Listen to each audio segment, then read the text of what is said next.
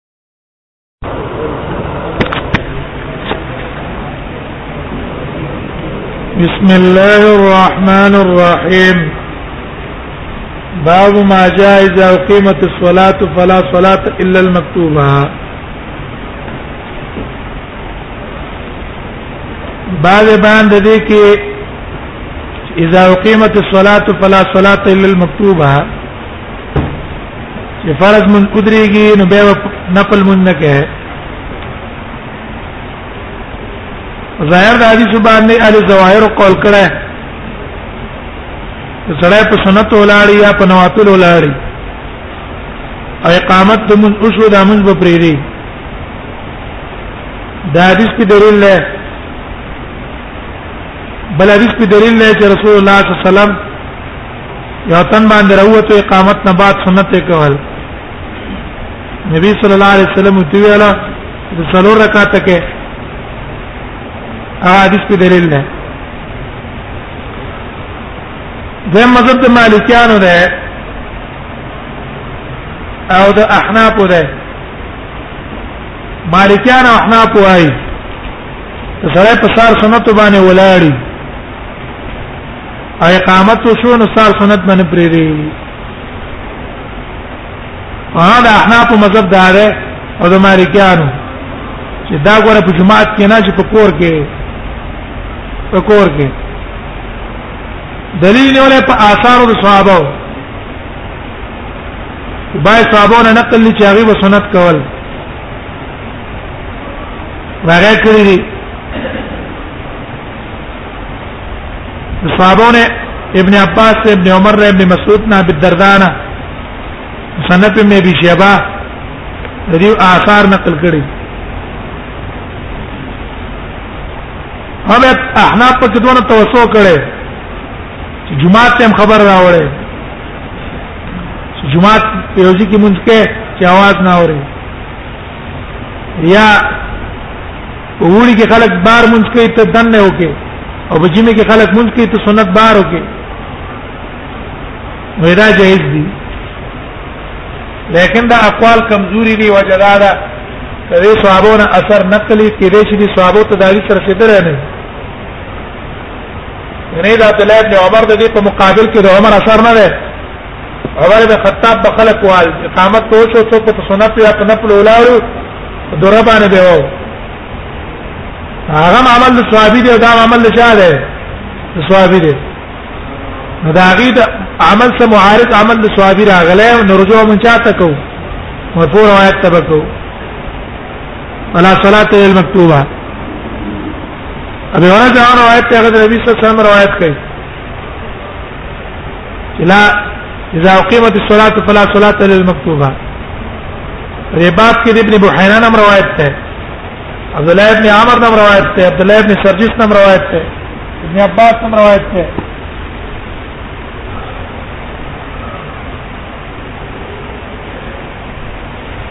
ابن عباس نام روایت ده انس نام روایت ده قال ابو سعيد ابي هريره حديث حسن وهكذا روى ايوب وورقه ابن عمر ايوب هم روایت کړی دی ورقه ابن عمر هم روایت کړی زیاد ابن سعد هم روایت کړی اسماعيل بن مسلم محمد بن جحاده عن عمرو بن دينار عن عطاء بن يسار عن ابي هريره عن النبي صلى الله عليه وسلم وروى حماد بن زيد وسفيان بن عيينه عن عمرو بن دينار ولم يرفعه مرفوع کړی نه والحديث المرفوع اصح عندنا هو مرفوع روايه ممكن يبان سيده وقد روى روي هذا الحديث عن ابي هريره عن النبي صلى الله عليه وسلم من غير وجد حديث ابي هريره نقل شيئا ونور سندون سراهم رواه عياش بن عباس القتباني المصري عن ابي سلمة عن ابي هريره النبي صلى الله عليه وسلم ولا مر على هذا عند عليه من اصحاب النبي صلى الله عليه وسلم وغيرهم اذا اقيمت الصلاه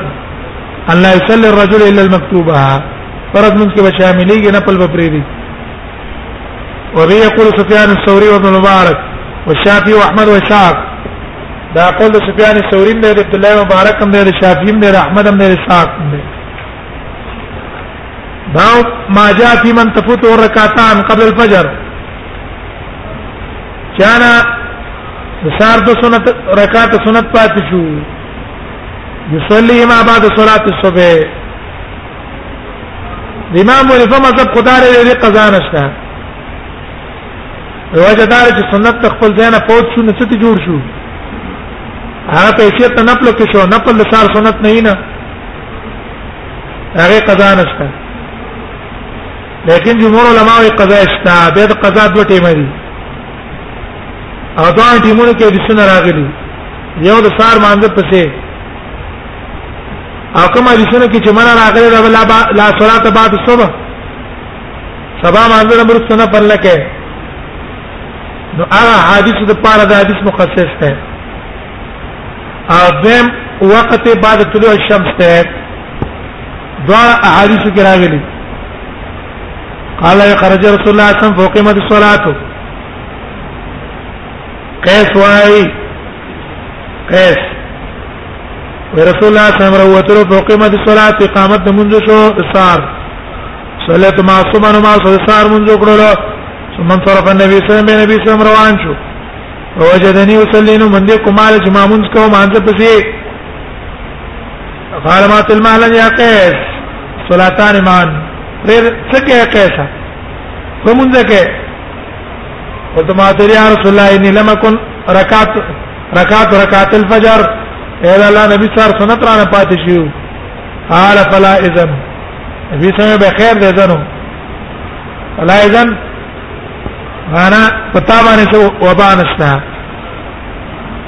دا دلیل شو رسار سنت قضایت مانځه په صورت راوړې شو د وجه تقریر د نبی صلی الله علیه وسلم نه فلا اذن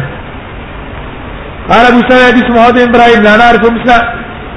مثل هذا الا من حديث سعد بن سعيد صرف سعد بن سعید نے رانا قل ہے وقال سفيان بن عيينة سفيان بن عيينة سمع عطاء بن ابي رباح وعطاء بن ابي رباح اوردنا لسعد لسعد بن سعيد هذا الحديث وانما يروى هذا الحديث مرسلا واذا حديث مرسل نقل له وقد قال قوم من اهل مکه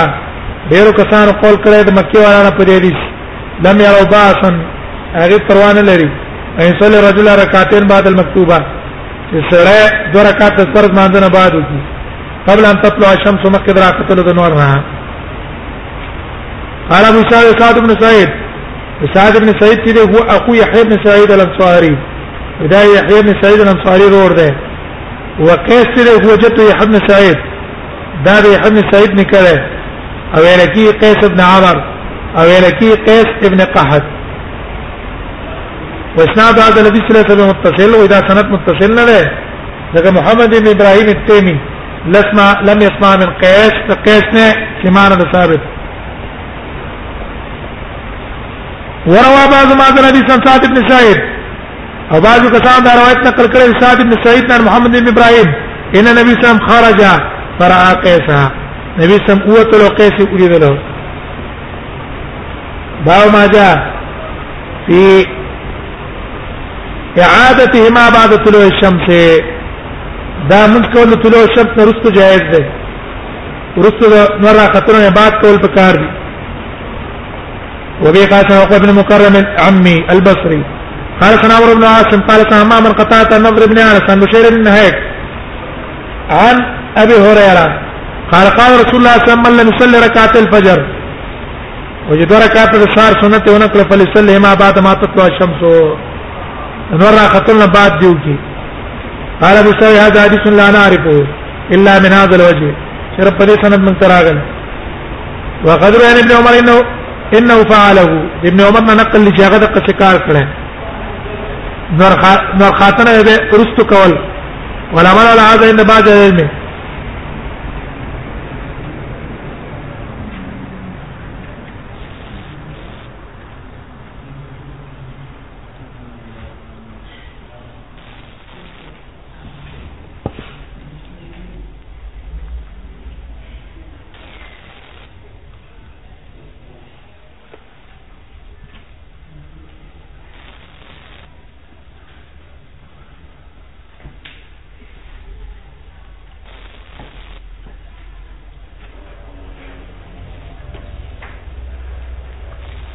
والعمل على هذا عند بعض العلم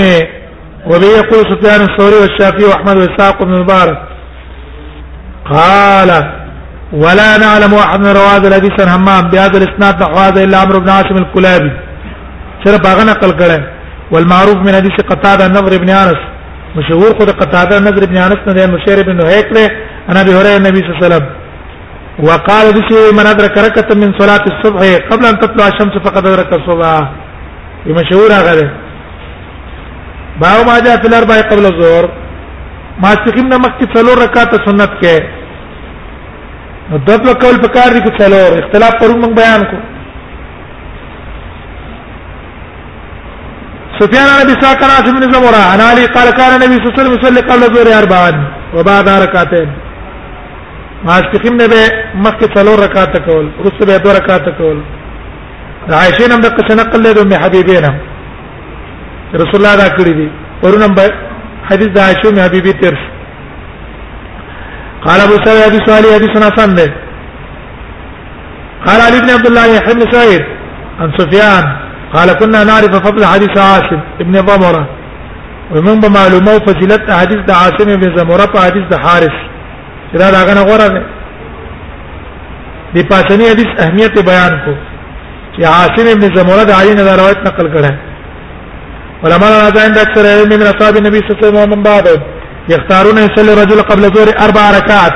څلور رکعات دیو کی اگر کتو رکعات هم سری جائز دي کنه څلور رکعات به تر دي دا قول سفیان ثوری بن مبارک اسحاق وقال بعض اهل صلاه الليل والنهار مثنى مثنى څه مطلب دی وی چې څلور رکعات په یو نیت به تر دي لیکن دا نور علما وی چې په دو سلامونو به تر دي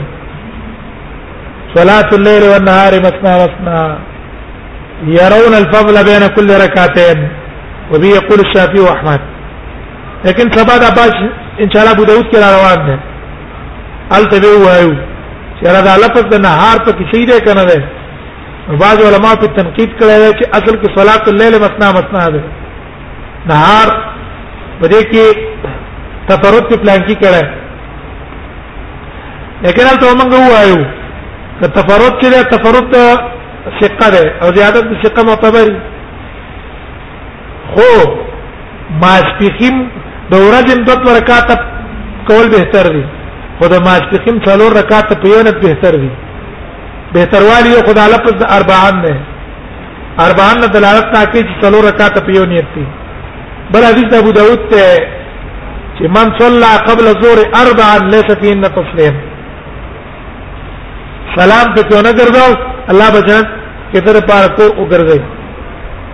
دا غیر معلوم شو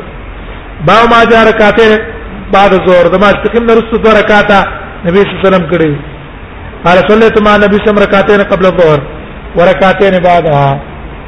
ابن عمر و امام نبی صلی الله علیه وسلم رکعت سنت ما تقیم نه مخکې کړی دینه معلوم شو دا چا ما تقیم نه مخکې دو رکعات وکړه دا جیش او دو رکعات رسو وفي الباب انا عائشه وباب كده علي ده عائشه روایت نقل له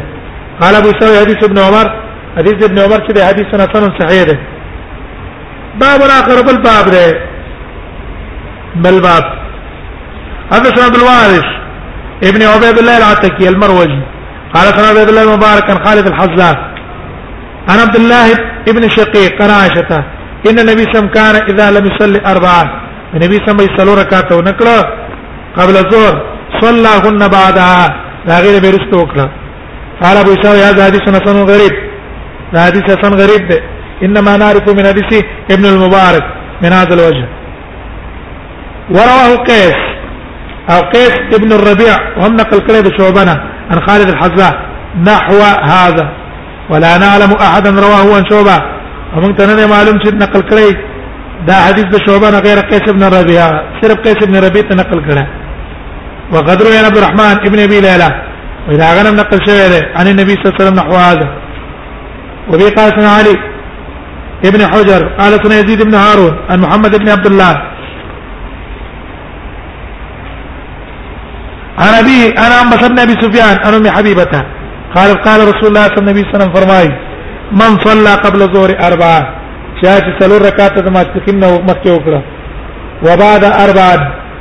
اصلور ترستو کړه حرمه الله تعالی علی النار لا پور باندې حرام کی قال ابو سعيد حديث حسن غريب وقدر من غير وجه ونور الطريق نقل له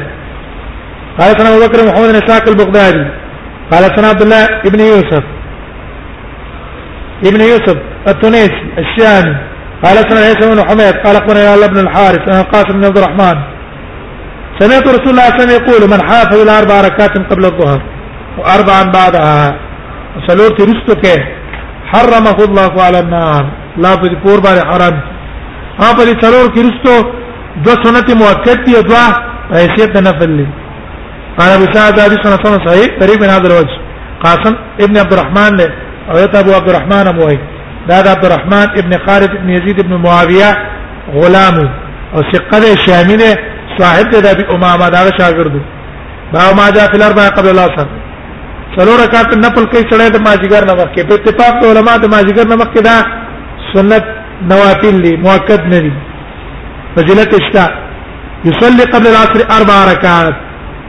يفصل بينهن بالتسليم جدای به راوستل په مابین د دې کې په سلام ګرځول په ملائکه مقربین ومن تبعهم من المسلمین والمؤمنین شارک تر رکعتا فکار دی په دوه سلامونه وفي الباب عن ابن عمر وعبد الله بن عمر قال ابو سعد صالح حديث حسن ده فاختار ابن سعد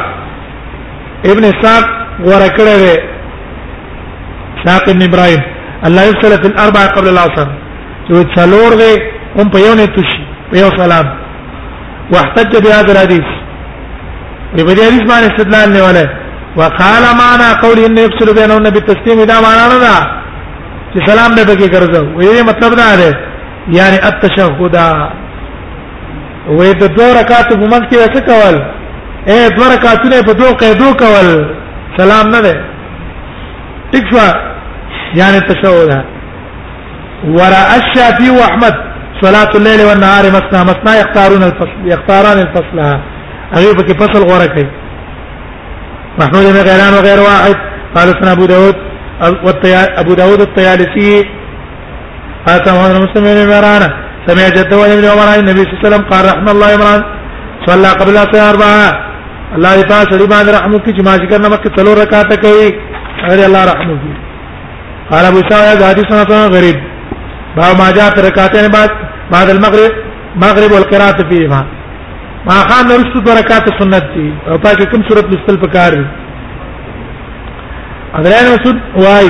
انه قال ما احصي واذا نش مصاب ولا ما سمعت من رسول الله صلى الله عليه وسلم يقرا هغه چې ما او نبی صلی الله علیه وسلم ورته چې لستره به په دوه رکعاتونو کې ما ما قام نرشتو وفي ركعتين قبل صلاة الفجر اثار ما ذا رسل يا ايها الكافرون قل والله احد سر بدا لستل سنت سار کې هم ذکر لستل چې ابتدا ته توحید راشي او انتها د شپې په غیره کنه ما خام کې ذکر دا لستل چې ابتدا د شپې دا انتها د ورځې دا ته په ابتدا انتها په توحید راشي باو ما جاء نسلمات في البيت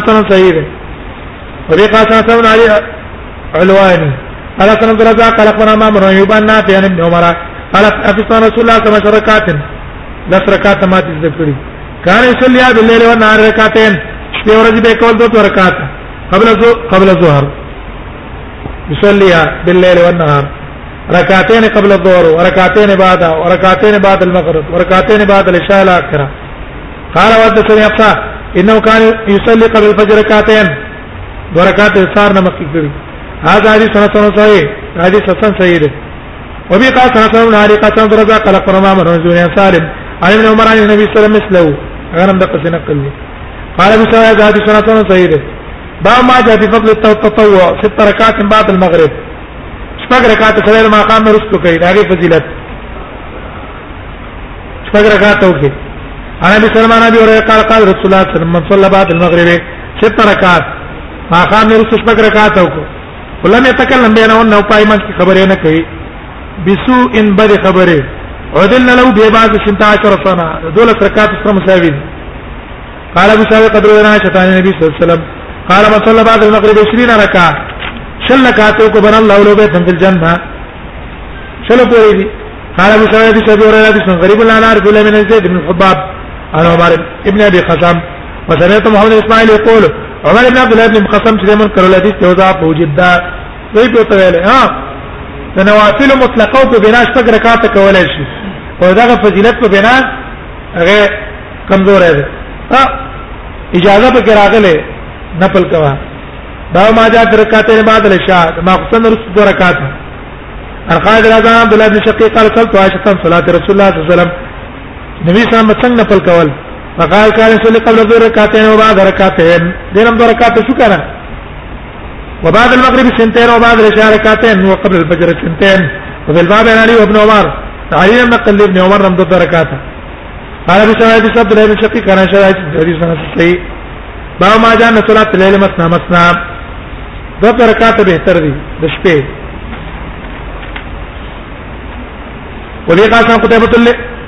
ابن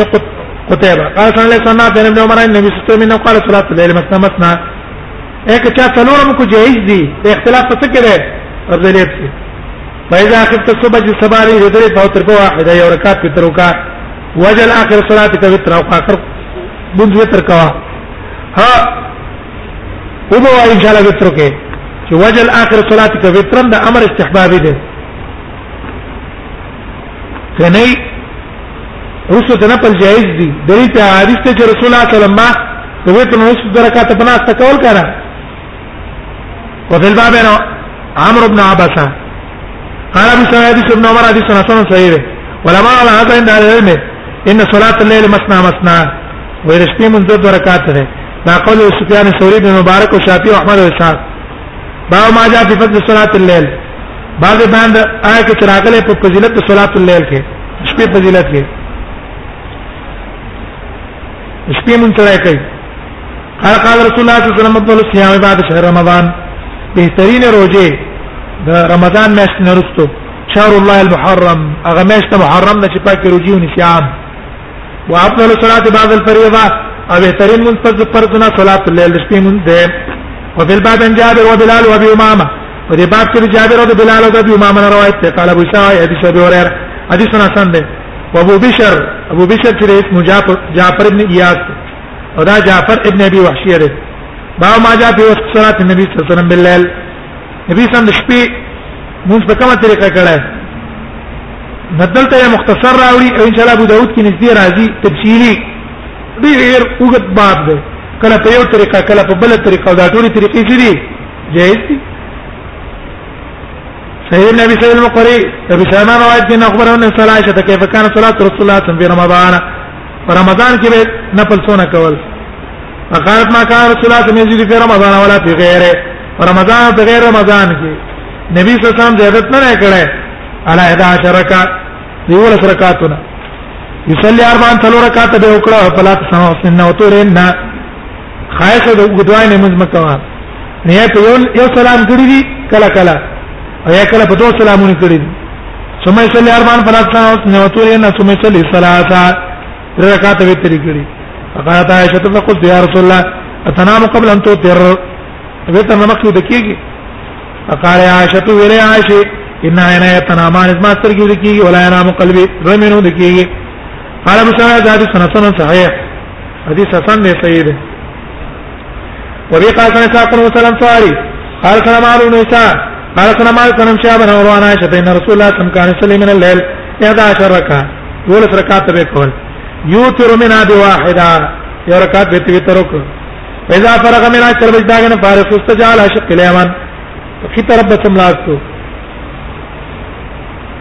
وبه قال سقطه بن مالك بن شعب قال ابو سعد حديث حسن صحيح باب منه د دې سره هم دا باب ده بس په کوزه نه